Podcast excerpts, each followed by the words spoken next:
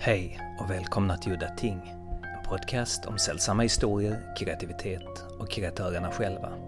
Mitt namn är Henrik Möller och musiken är skapad av Testbild. Den fina loggan är gjord av Malmökonstnären Nalle Chinsky.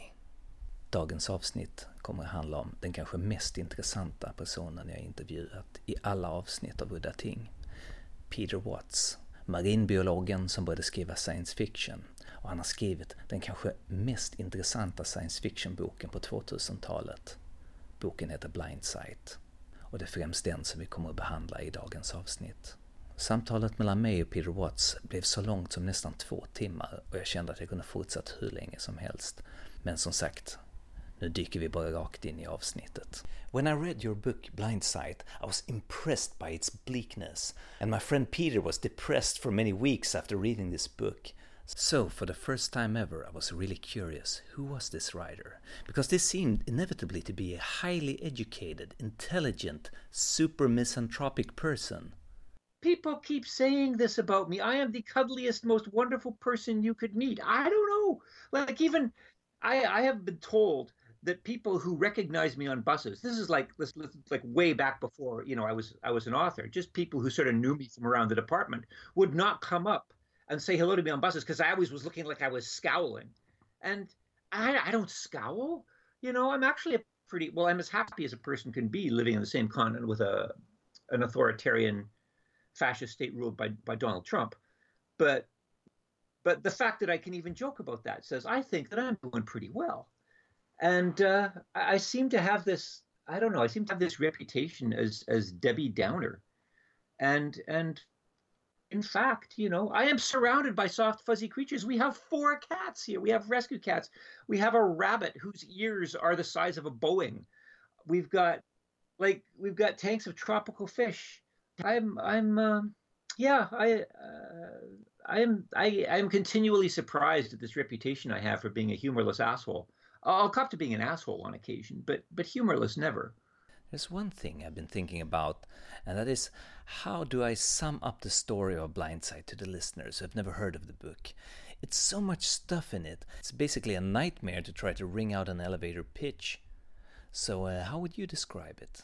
Henrik, I got two words for you space vampires. Blindsight is a book about vampires in space. Huh? That, ladies and gentlemen, is a genius writer being humble. Sorry I have to be a humorless asshole here and destroy your joke, Peter. Blindsight is not about vampires. It's about a lot of things, and that is not on the top of the list. But okay, if we focus on the idea of uh, the vampires, how, how come you decided to have vampires in your story? I have no interest in vampires whatsoever. The reason that vampires ended up in uh, in Blindsight was because a few years before I wrote Blindsight, I was uh, I went to Edmonton for some science fiction con in which I was a guest, and you know how I don't know if you go to to cons, but before you go to them, you get to sign up. There's they they have these lists of various potential panel discussions and things that you can you can sit on. So, and I never sat on. I never wrote down that I wanted to um, to to sit on any vampire panels. You know, I'm a biologist. I checked off all the usual, you know, biology and science fiction, and maybe one or two of the what makes Canadian science fiction so Canadian, or you know, I, I picked it. But some doofus obviously hated me for some reason that I still don't understand. Maybe they think that I am intense and angry all the time with no sense of humor. I don't know, but but some doofus stuck me on a vampire panel so here I am with, you know, a bunch of, you know, fanboys and fangirls for, you know, Buffy the Vampire Slayer. I'd never even watched Buffy the Vampire Slayer. I did not know anything about really vampire lore. I, I think I may have read, you know, Dracula back in the day, but I certainly didn't follow it. So here I am trying to contribute. And because I'm a biologist, I thought, ah, geez, okay, what I can maybe do is try and sort of hand wave some biological mechanisms by which vampires could work. And as it turns out, there are these things called, you know, um, Mexican hat arrays, receptor cells in your eyes. Basically, grids of neurons that respond to certain primitive shapes. There are cells in your eyes that will only fire if they, you know, are if they're looking at a horizontal line. There are cells that will only fire if they're looking at, you know, a, an oblique line at 40 degrees, right? So I thought, okay, supposing vampires, because there's the legend about vampires is that, you know, if you throw rice or salt or something down, they have to count every grain, right? So maybe vampires are kind of autistic savants. They're very, very smart, and that means they've got incredibly good pattern matching skills. But part of pattern matching is visual integration. So maybe there's a mutation in the vampire, you know, visual system. So that when the receptor cells that fire when they see vertical lines and the receptor cells that fire when they see horizontal lines, um, when both those receptor sets fire simultaneously across more than, say, 30 degrees of the visual arc, they go into an epileptic fit. So this is why they can't see crosses. And and I threw that out. And then it kind of I just started I couldn't shut up, right? It was like and that's why there are no vampires today, right? Because it's not just crosses, it's the intersecting right angles. Now there are no intersecting right angles in nature to speak of, but they're all over the place, you know, in modern days. A, a typical vampire opens his eyes and looks at a skyscraper and his head's going to explode. So obviously, vampires went extinct when we discovered Euclidean geometry, and we kind of stumbled on the idea that the cross would would um, would drive vampires away, and and uh, but in fact, you know, a tire iron would do too. You know, anything that you sort of held, a couple of sticks held at the right angle, as long as it occupies more than, you know, thirty percent of vertical. I thought this was awesome because let's face it, there's nothing more stupid than the idea of a religious symbol actually causing a sapient predator to go, wah! And I'd come up with this neurological explanation. And I was so proud of myself. And then I thought, okay, but then why would they go extinct? Why wouldn't they just start eating warthogs or something, right? Um, so that was okay. There's got to be something specific to human beings, that some kind of vital protein that they can only get from human beings so that they would go extinct if they couldn't eat people.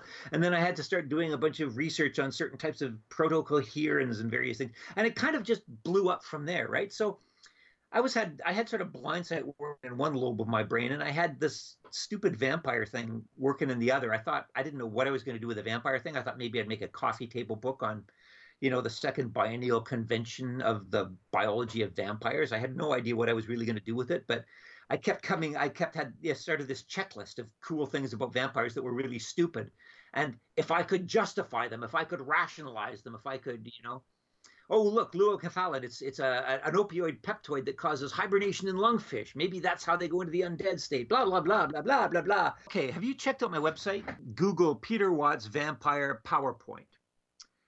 Um, I've got a you, you you're going to need a Flash plugin, but I've got a a PowerPoint there. It's like 43 minutes long.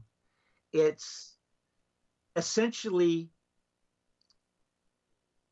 a PowerPoint presentation delivered to a bunch of stockholders from this pharmaceutical multinational who have accidentally kickstarted some basic vampire genes um, while trying to cure this kid who has autism and the kid turns into a vampire and dies and and it's but it's i've had i've actually had people who work in the pharmaceutical industry write me up and saying who are you and what company do you work for? Because you have so completely nailed the sociopathic you know we are going to create industrial vampires for the children of the world kind of a thing right?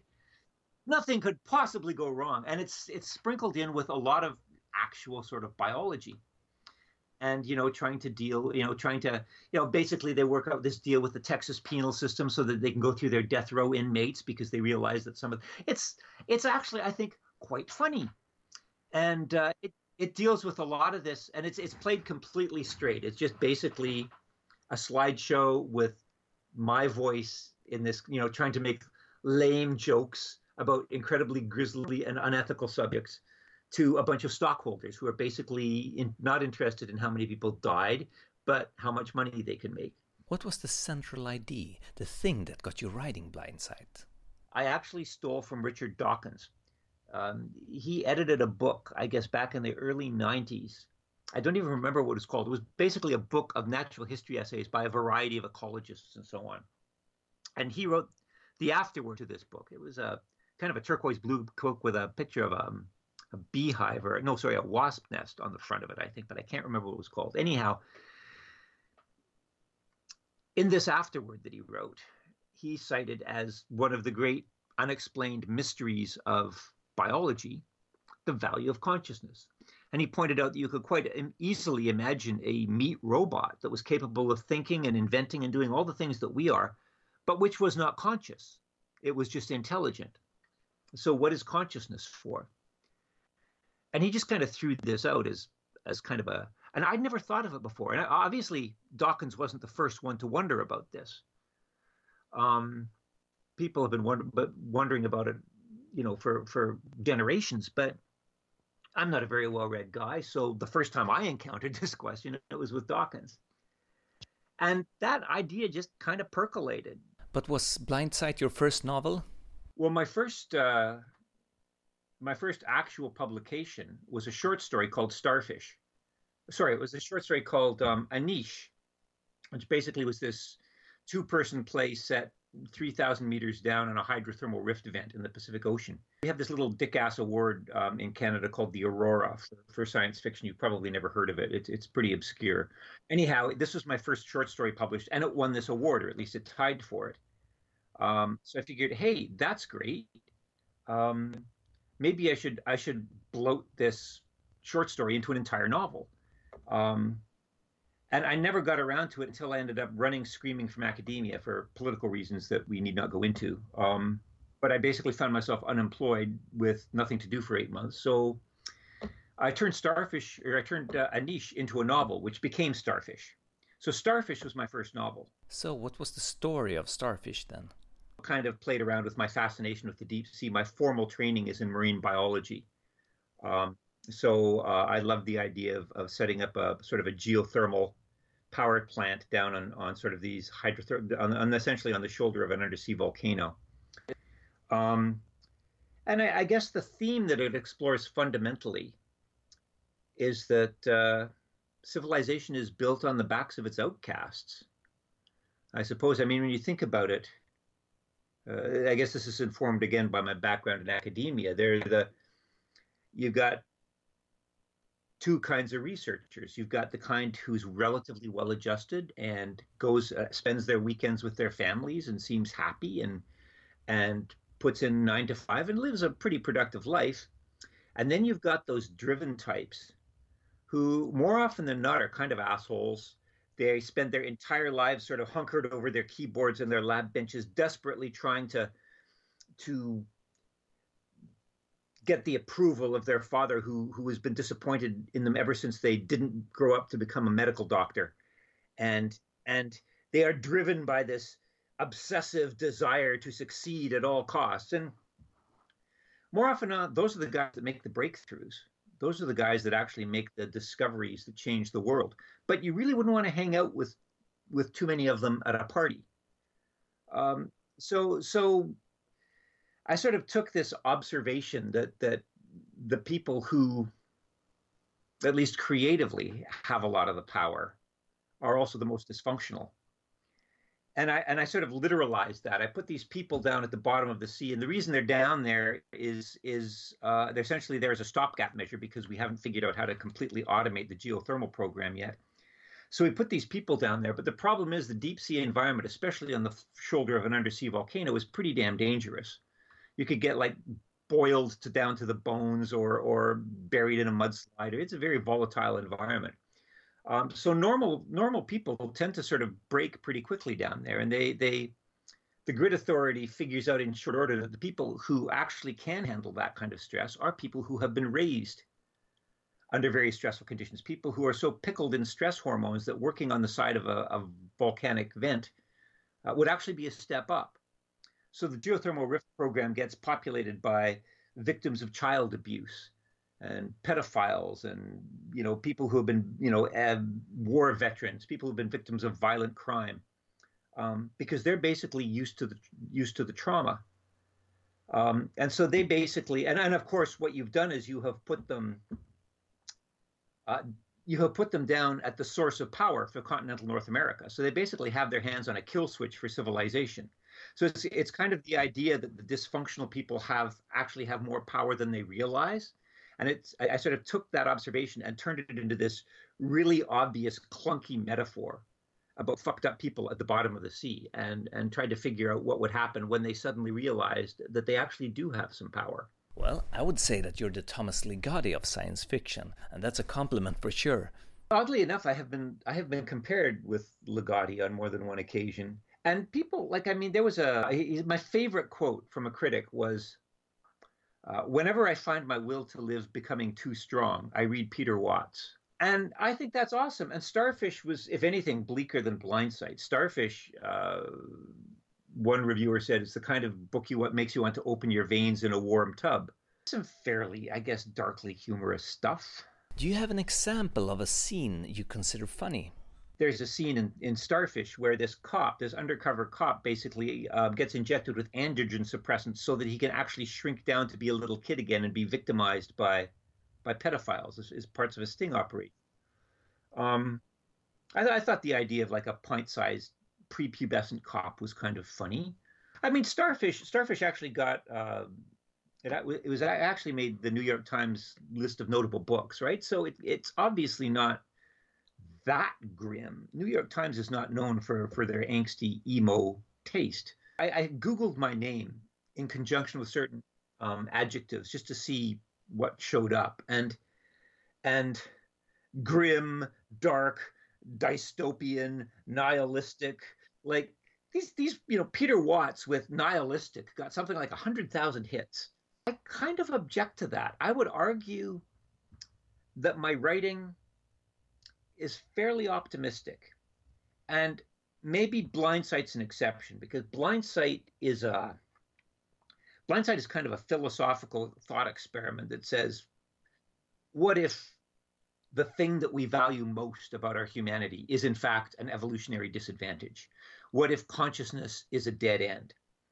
And and there's no way to to paint clown makeup on something like that, right? That's pretty much a downer of a theme.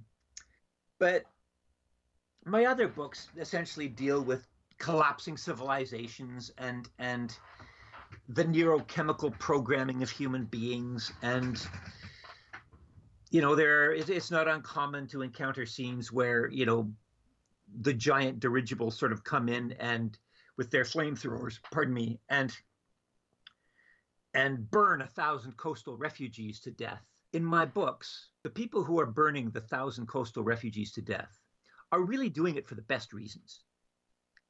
They're not doing it because you know they like the smell of human barbecue. They're not doing it because they're assholes. They're doing it because there is a disease vector at loose in this population that will result in billions of death if they don't kill a thousand now. My my work tends to deal a lot with with fairly decent people who are trying to make the best of a really shitty situation. And it can't be anything if I'm writing within the next 100 years, how can it be anything but a shitty situation, right? Like these things are already starting to happen. The world is already turning to shit. And big ships turn slowly, and the global ecosystem is a pretty honking big ship. So it's pretty much assured that things are going to get worse before they get better, if they get better. And so anybody who's trying to write realistic fiction set a few decades in the future is going to have to set that fiction against a pretty dystopian backdrop.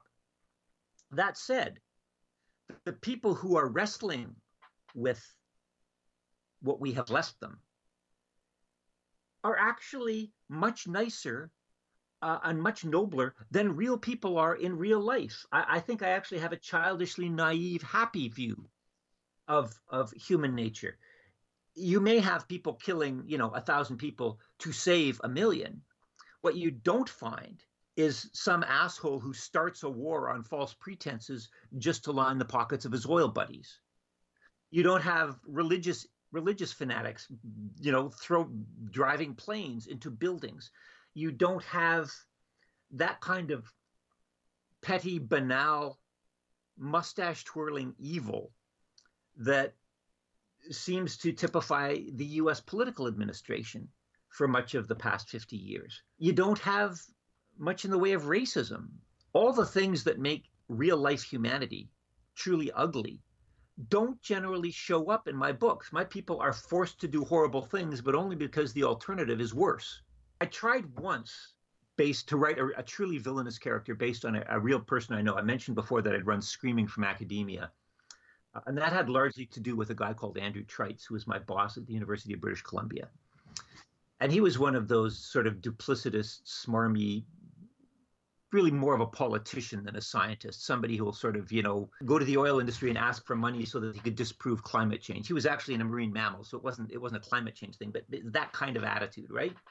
So I tried to I tried to base a character in Starfish on this person, and I tried to describe him the way I actually perceived this dude in real life. And I couldn't do it because the result on the page just looked like such a cardboard two dimensional mustache twirling villain that I didn't think anyone would believe it as a character. So I actually took this real human being, um, whom I have nothing but contempt for, and I ended up fictionally giving him a more sympathetic backstory. I gave him more depth than I think he has in real life. I made him a nicer person so that you could actually feel a certain amount of sympathy for him because I can't write villains.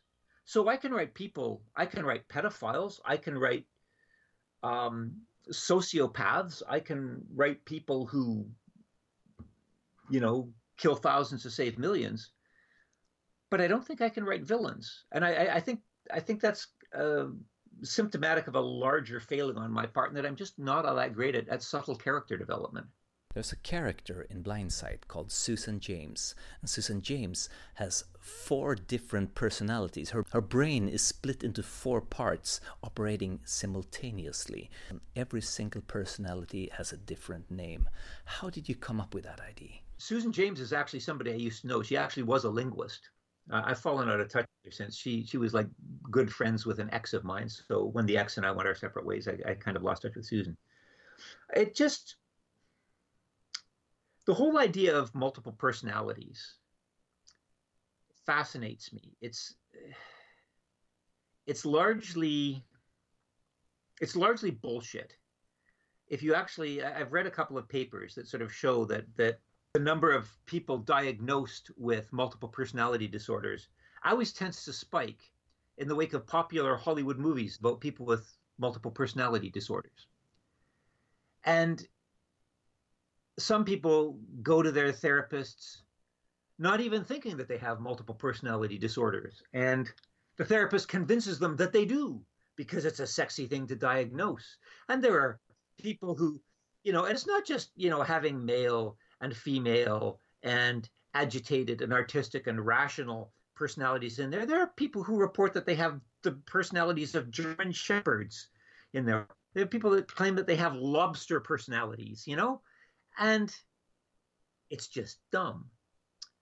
That said, there's absolutely no reason why something with the neuronal mass of our brains could not host more than one totally sapient individual. We know this happens. Um, in, in cases of extreme epilepsy, people will be, you'll perform something called a radical hemispherectomy. You've heard of alien hand syndrome, right? where you split the corpus callosum down the middle. And all of a sudden, the two halves of the brain can't talk to each other through the fat pipe. They have to talk to each other through the brain stem. So it's basically they're communicating via dial up instead of broadband. And when signals can travel from one side of the brain to the other in a very short period of time, something like 200, 300 milliseconds, the whole system acts as a coherent whole. It acts as a single self. But when you split that brain, each half will develop its own personality. Um, Ramachandran, the, the neurologist, reports at one point meeting a split brain patient whose one one hemisphere was an atheist and the other was a Christian. And he said he could never figure out how why this this finding didn't didn't shock theology to its core. I mean, does one hemisphere of the person go to hell when they die and the other hemisphere go up to heaven? Like, how does this work? Um, it's something that you can do. You don't even have to do use surgery. You can you can anesthetize one hemisphere and leave the other hemisphere awake, and that other hemisphere will suddenly start manifesting completely different personality traits. I mean, we're talking uh, different taste in clothes, different taste in music, as I said, different different religious beliefs. Um, the whole alien hand syndrome, where you know, like one hemisphere basically gets to run the mouth, so the other hemisphere can't talk, but it's still got its own desires and wants. So you know, if you're trying to put on your shirt, but your evil hand keeps ripping off that shirt and putting on a different shirt, it's because there's a different personality in there with you. So while the whole idea of multiple personalities as diagnosed as a psychiatric phenomenon is largely hokum, our brains are big enough to host multiple personalities if you carve them up into sections and isolate those sections so that they can't so that they decohere so that i shatters into we and I thought that was just an because the whole basic the book is is about different types of consciousness, right? This was a perfect illustration of a whole new type of consciousness. You have multiple attentional personae in a single skull that can communicate with, each other, but only through these tiny thin straws. So they're essentially like parallel processing nodes. They're like a network of computers, each of which it has its own specialization. I just thought that was a really cool conceit um, for analytical purposes because it's like having a whole research team in your head. In echopraxia, I actually explored this in quite a uh, quite a whole different way. I there are um, a major element of echopraxia is this order of things that you might want to call post-scientific monks, called the bicameral order, um, who have literally used cancer genes to rewire their brains to the point where they can internalize and you know, you know how how quantum mechanics is something that you can maybe follow with the math but you never feel it in your gut. If somebody throws a ball at you you understand in your gut the newtonian physics of it you know somebody throwing a ball makes sense. The arc makes sense. You can reach out you can catch it. You don't even have to think about it. You evolved in a world of newtonian physics. We did not evolve in the quantum realm. So that shit makes no sense to us at all. Effect preceding cause and Schrodinger's cat being alive and dead at the same time, probability waves, all these mathematical descriptions, when you try and explain what they mean in conventional terms, make no sense at all. And science is going further out into those realms, into those incomprehensible realms. So what I proposed in, in echopraxia was the, were these bicamerals who literally had their brains rewired so that they could think at that level. But the trade-off, of course, was that they were no longer to, able to think in conventional levels. So they kind of they they basically their speech patterns were fucked up. They needed they needed interpreters because they couldn't actually communicate with baseline humans anymore. They lived in these vast monasteries out in the desert because while they could figure out string theory in all its like 17 dimensions in their heads as intuitively as you could catch a thrown baseball they'd have a hard time crossing a busy street without getting hit by cars. I think that in order to, we evolved to understand events that happen on a certain scale of resolution. Once you move out of that scale of resolution, we're neurologically incapable of grasping those things because we did not evolve to deal with them. So, if we're going to be able to understand them on a gut level, the same way we understand Newtonian physics, we are going to have to physically modify our brains and that's going to mean we're not going to be human anymore. We are going to turn into something else that understands the universe in a completely different way. In the first episode of Udda Ting, I interviewed Brian Evenson, and Brian Evenson told me a story about uh, the rubber hand syndrome, or whatever he calls it, uh, the rubber hand experiment. And the rubber hand experiment uh, works like this: that you put your hand on under a table, and on the table is a rubber hand, and uh, severed at the wrist. And uh, the rubber hand is stroked with a feather, and simultaneously your own hand is stroked with a feather under the table. And then, in some sort of strange way, your brain sort of makes makes up a, fabricated uh, vision of of an arm that connects to the rubber hand, just so the brain can sort of process this material? We have a, a, a sense, sort of a sixth sense called proprioception. It's why it's why you can close your eyes and still know where your various body parts are, right? You've got this sense of where all your parts are. And what the, the rubber hand experiment does is it fucks with that sense of proprioception. It forces it forces the brain to think, oh, that plastic thing is my arm. And you get this gut visceral certainty that that thing is your arm, even though you know intellectually it's not. That's just one example of a whole shitload of, of, of things. If you for example, if you see somebody's mouth say something, but you hear them say something different, your brain will twist the sound so that the sound is more consistent with what you see, how, how you see their mouths move. And the the coolest one of all, the coolest one example of, of this kind of experiment at all is like total body swapping. They put a VR helmet on you, and the cameras that you're looking into, the screens that you're looking into, are um, they feed into cameras that are looking up from the eyes of a mannequin across the room. So you are looking back at yourself in this VR helmet, right? F- through the eyes of the mannequin. And people who do this suddenly feel that they are inside the mannequin. That's where their center of consciousness is.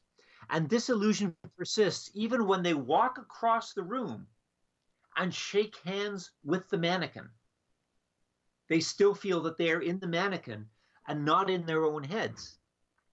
And I came up with this really cool idea that I think would make an awesome Olympic sport body swap boxing, where the combatants in a boxing ring wear these VR helmets so they're each looking out from the other person's perspective. And then they have to fight. But in so fighting, they're basically punching themselves in the face. I mean, wouldn't that not be an awesome spectator sport? I've always been fascinated with the uh, ideas of, of psychological warfare. For example, uh, the latest ex- uh, thought experiment that's been circulating around called Roko's Basilisk. I've been talking about it in a previous podcast, and it basically is uh, that someone thought up the idea that uh, they were sponsoring an AI, an artificial intelligence, a computer, and if you didn't give them money or in some ways help uh, further the technology and sponsor it in some way, uh, this computer in the future would return and take its revenge on you. And even though people sort of basically understood that this wasn't really a realistic idea, they still got incredible angst, and a lot of them had to go through go through therapy and uh, experience enormous amounts of uh, anxiety and uh, psychological damage. After this, other huge companies uh, started advertising for similar ideas that they could use to promote their own products. Wait, wait a second. Point of clarification here. Is this an is this an actual experiment that some psychologists did on naive people? This isn't a story. No no it's not a story. It's it's for real. Well i mean we really what you're talking about is standard fundamentalist religious tropes just tarted up with a science fiction veneer i mean basically religion western christian religion basically says you must do what the invisible sky fairy says. I'm the one who knows what the invisible sky fairy wants you to do. And if you don't do what the invisible sky fairy says, you are going to go to the awful place. Basically, we're talking about an extremely old hack. And I think it I think the the theory that I'm most fond of to explain it is that natural selection favors the paranoid. Um, did you know that you can make people more honest by drawing a pair of eyes with a sharpie on the wall? I mean, we're not even talking photographically realistic eyes. We're talking lame ass cartoon Gary Larson eyes. On the side, you can you can like draw a, a pair of eyes on a paper and stick it on the wall, and the incidence of cheating in exams, for example, will go down they did an experiment where people thought that they were doing they were answering a computer quiz but the the computer interface was set up so that it would fake a glitch that would show people the answers. So people would think that they had the opportunity to cheat on this test. And there were two groups of people that were given this surreptitious opportunity to cheat. One of these groups of people was the control, and the other group of people was told by the lab tech, just offhandedly while they were setting up the procedure, that there was a girl who had been murdered, you know, just down the hall. And people kept saying they could see her ghost, that her ghost had been reported, you know, just in the men's room across the hall just last week. And people who had been told the ghost story were less likely to cheat when given the opportunity. And what this suggests in evolutionary terms is that we are hardwired to believe that things are watching us. And you can see how that would evolve because, uh, as a matter of fact, this is like a little parable I actually tell in Echopraxia. There's these three guys back in the African savannah, and they each hear something rustling in the grass. And one of them thinks that it's a tiger so he runs like hell. And it is a tiger, but the guy gets away. And the second guy hears something rustling in the grass. And he thinks it's a tiger and he runs like hell, but it's just the wind. And his friends all laugh at him for being a chicken shit. And the third guy, he hears the rustling in the grass and he thinks, ah, that's just the wind. And a tiger has him for dinner. And this goes on generation after generation. And pretty soon, everybody's hearing and seeing tigers, even when there aren't any tigers. Because let's face it, even if you're a chicken shit and people laugh at you, you're still around to have kids. Whereas the guy who got eaten by the tiger is not. So natural selection has programmed us to see agency in nature because it's safe to be paranoid. If you hear something that could be the wind, it could be something random, or it could be something watching you getting ready to pounce you better you better act as though it's something getting ready to pounce. And this, after millions of years, has been wired into us to such an extent that when people are stressed, they are more likely to see patterns in random visual static than when they are not stressed. That you get things like conspiracy theories, tinfoil hat con, uh, conspiracy theories, belief in religions, belief in gods, belief in monsters, all increase during periods in, in, in, societies where there's a lot of social unrest. And it's all it's all essentially an enhanced predator response to stress.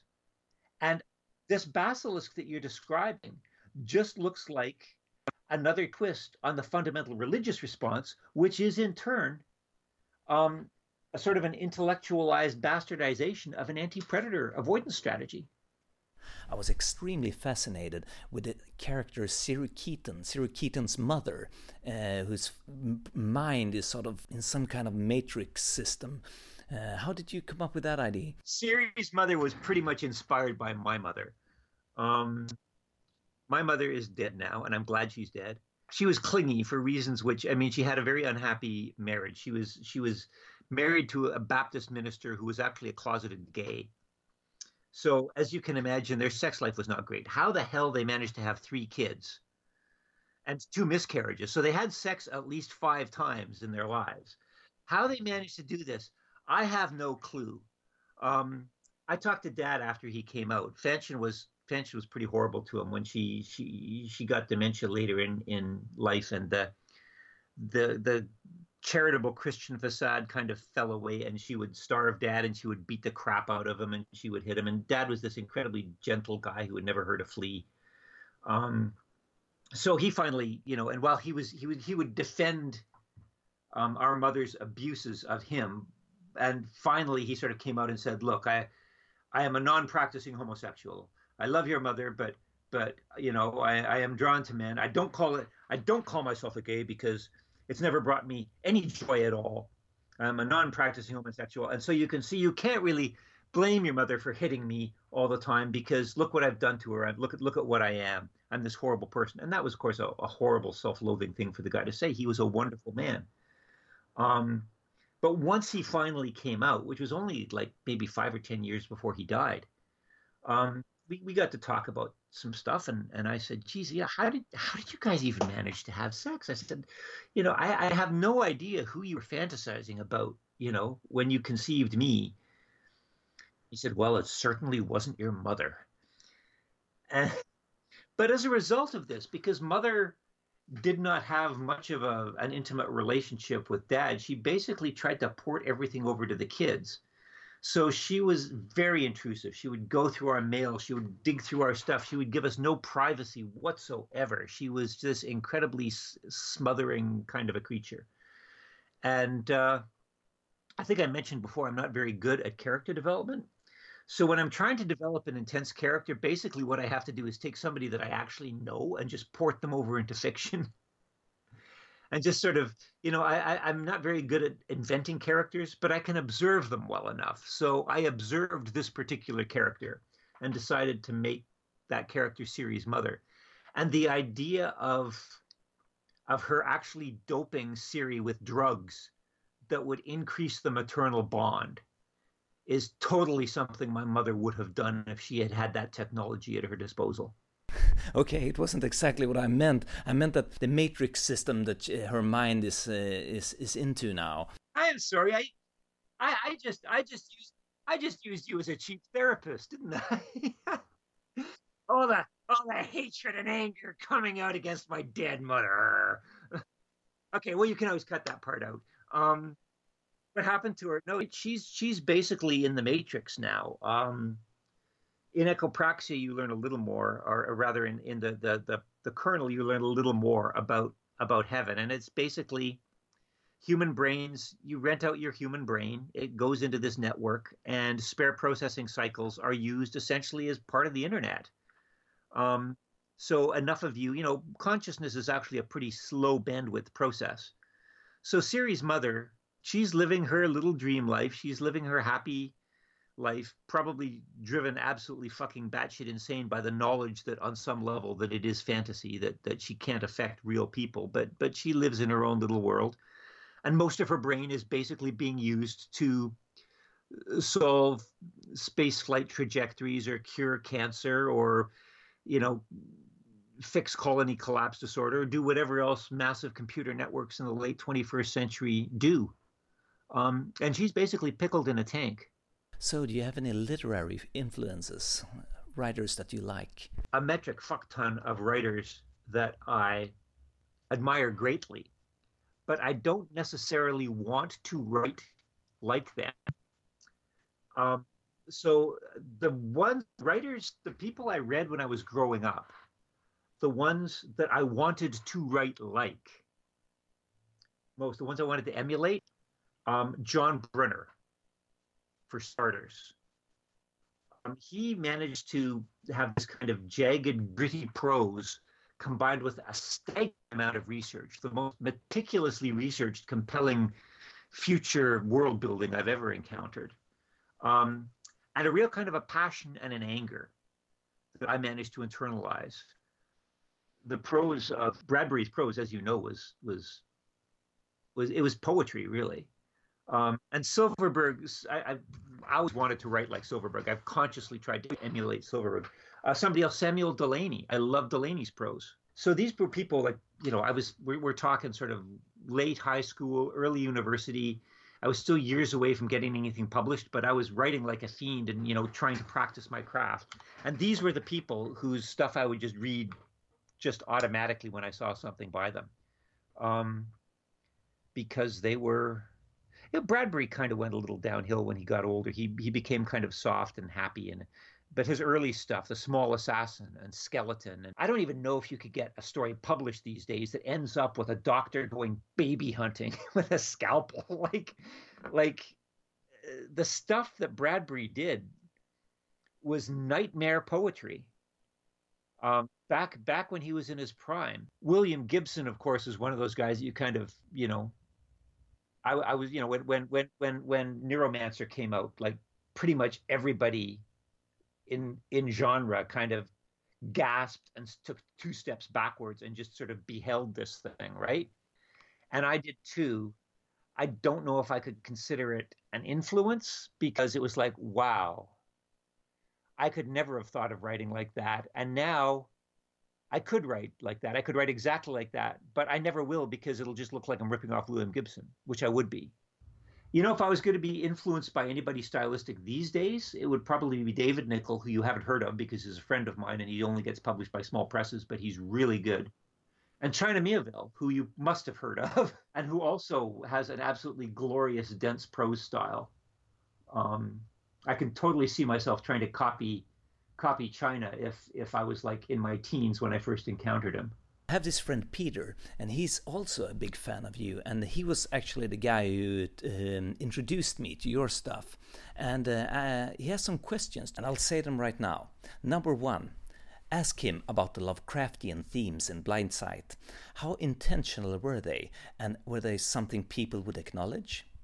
I read I've read one book of Lovecraft's short stories, and I read that back in high school.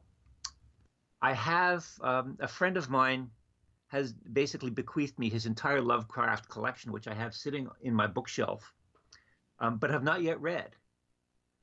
So, and I've read the occasional Lovecraft story since that, is, that have appeared in other collections. Um, but I cannot say that I have been enormously influenced by Lovecraft because I just haven't read that much of him. I keep seeing Blindsight compared to Lovecraft in terms of the existential horror. And so I'm guessing that Lovecraft, you know, wrote existential horror. And of course, I'm familiar with the, you know, the Cthulhu mythos and the thing with the tentacles hanging off of its nose and, and, you know, the usual stuff that permeates all of civilization. So, so I, I'm obviously not utterly ignorant of the man's influence or or of the tropes he explored. But but um, despite the fact that everyone seems to think I'm I'm tipping my hat to Lovecraft, um, no, that was just I guess a coincidence.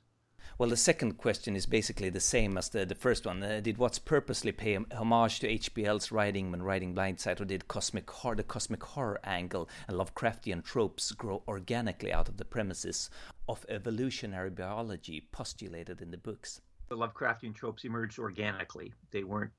Um, I, I do get the sense. I mean, one thing that that seems safe to say about Lovecraft is he was very fond of things that were so far beyond human ken that they would simply drive you batshit insane. And I can certainly see how scramblers, how an artifact like Rorschach, with its its you know hallucination-inducing magnetic fields, how the very idea that consciousness itself is an aberration and the world is the universe itself is populated by these highly intelligent arid Turing machines just sort of iterating their way across the galaxy, I can see a certain existential horror in there. So I see where people are coming from. And the third question is Will there be more books in the Blindsight universe? If he says no, consider blackmailing him. As to whether or not um, more stuff is happening in the Blindsight universe, um, well, the sequel came out in 2014 called Echopraxia. In between Echopraxia, there are a couple of short stories. One is called The Colonel, um, which is essentially a story centering around Siri Keaton's father. And it takes place basically between Blindsight and Echopraxia. There's another story also set in the universe that's sort of between Blindsight and Echopraxia, which I am not going to name because it, it essentially I did it as a freebie for a charity anthology, and quite frankly, I'm not very I'm not very proud of that story. And in terms of future work, uh, I am sketching out a, a final volume called, uh, the working title is Omniscience. And it takes place a couple of decades, a few decades after Echo, after the events of Echopraxia. Uh, well, one of the centerpieces of it is um, Siri Keaton and his father reunite, you know, decades hence. Siri Keaton, or whatever Siri Keaton has become, finally makes it back to Earth after an enormous number of changes, after some kind of weird singularity, after society has collapsed. Um, I don't want to give too much away, but there is a bit in Echopraxia where somebody is analyzing a transmission that's coming in from Theseus. And it turns out that the transmission actually is the text of Blindsight, and it's very faint and it's garbled. And there's weird things about it and there's something kind of recursive about the text stream like why would something keep having to imagine that it is something? How do we know this is really siri keaton telling the story? How do we know it's not some other agent that is literally trying to imagine that it is siri keaton that it is a space probe that it is all these other things that it imagines it is trying to be? And so there's these two theories kicking around. One is that you know siri keaton is still out there and that the events of Blindsight happened pretty much as described. The other is that there is something coming back to Earth, but it's not Siri Keaton. It's something else that's kind of simulating Siri Keaton.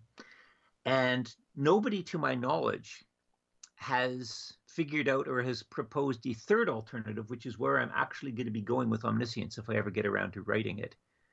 Uh, omniscience is not my. Right now, I'm writing a um, a novella set in my Sunflowers universe for Tachyon. That should be done in the next couple of months. And then I'm trying to write. But why? Because because Henrik, I am tickled pink that you like my stuff. I wish there were more of you, but a lot of people find my stuff kind of opaque and and difficult to get through, and I totally understand that. So the next thing I'm going to try and write is is I'm going to try and write a, a, a, an accessible near future techno thriller involving sentient Stark mechets and genetically engineered giant squid that attack underwater oil wells. And it's going to be set, you know, just maybe 10 years in the future. And I'm calling it intelligent design. And I'm only a chapter or two into that. It's it keeps getting put off too, but I'm basically just going to try and, and dip my toes in this kind of this weird techno thriller thing, which I've never done before. Before I go back to um, Blindsight Universe, when I wrote the last book of um, the Rifters trilogy, I felt like I was kind of running on fumes. And I don't want that to happen with my Blindsight books. So I'm going to try writing a whole different kind of book. And then I'm going to come back and then I'm going to write Omniscience. And your friend Peter can take heart in the fact that if I don't get hit by a bus, I will probably be starting to write Omniscience within the next year or two. Nu så är det så att efter det här avsnittet så kommer Udda Ting att ta en liten paus Och jag kommer inte längre att släppa ett avsnitt i veckan, utan avsnitten kommer komma lite sporadiskt allt eftersom. Ja, det var allt för den här gången. Jag heter Henrik Möller, musiken är skriven av Testbild. Hej då.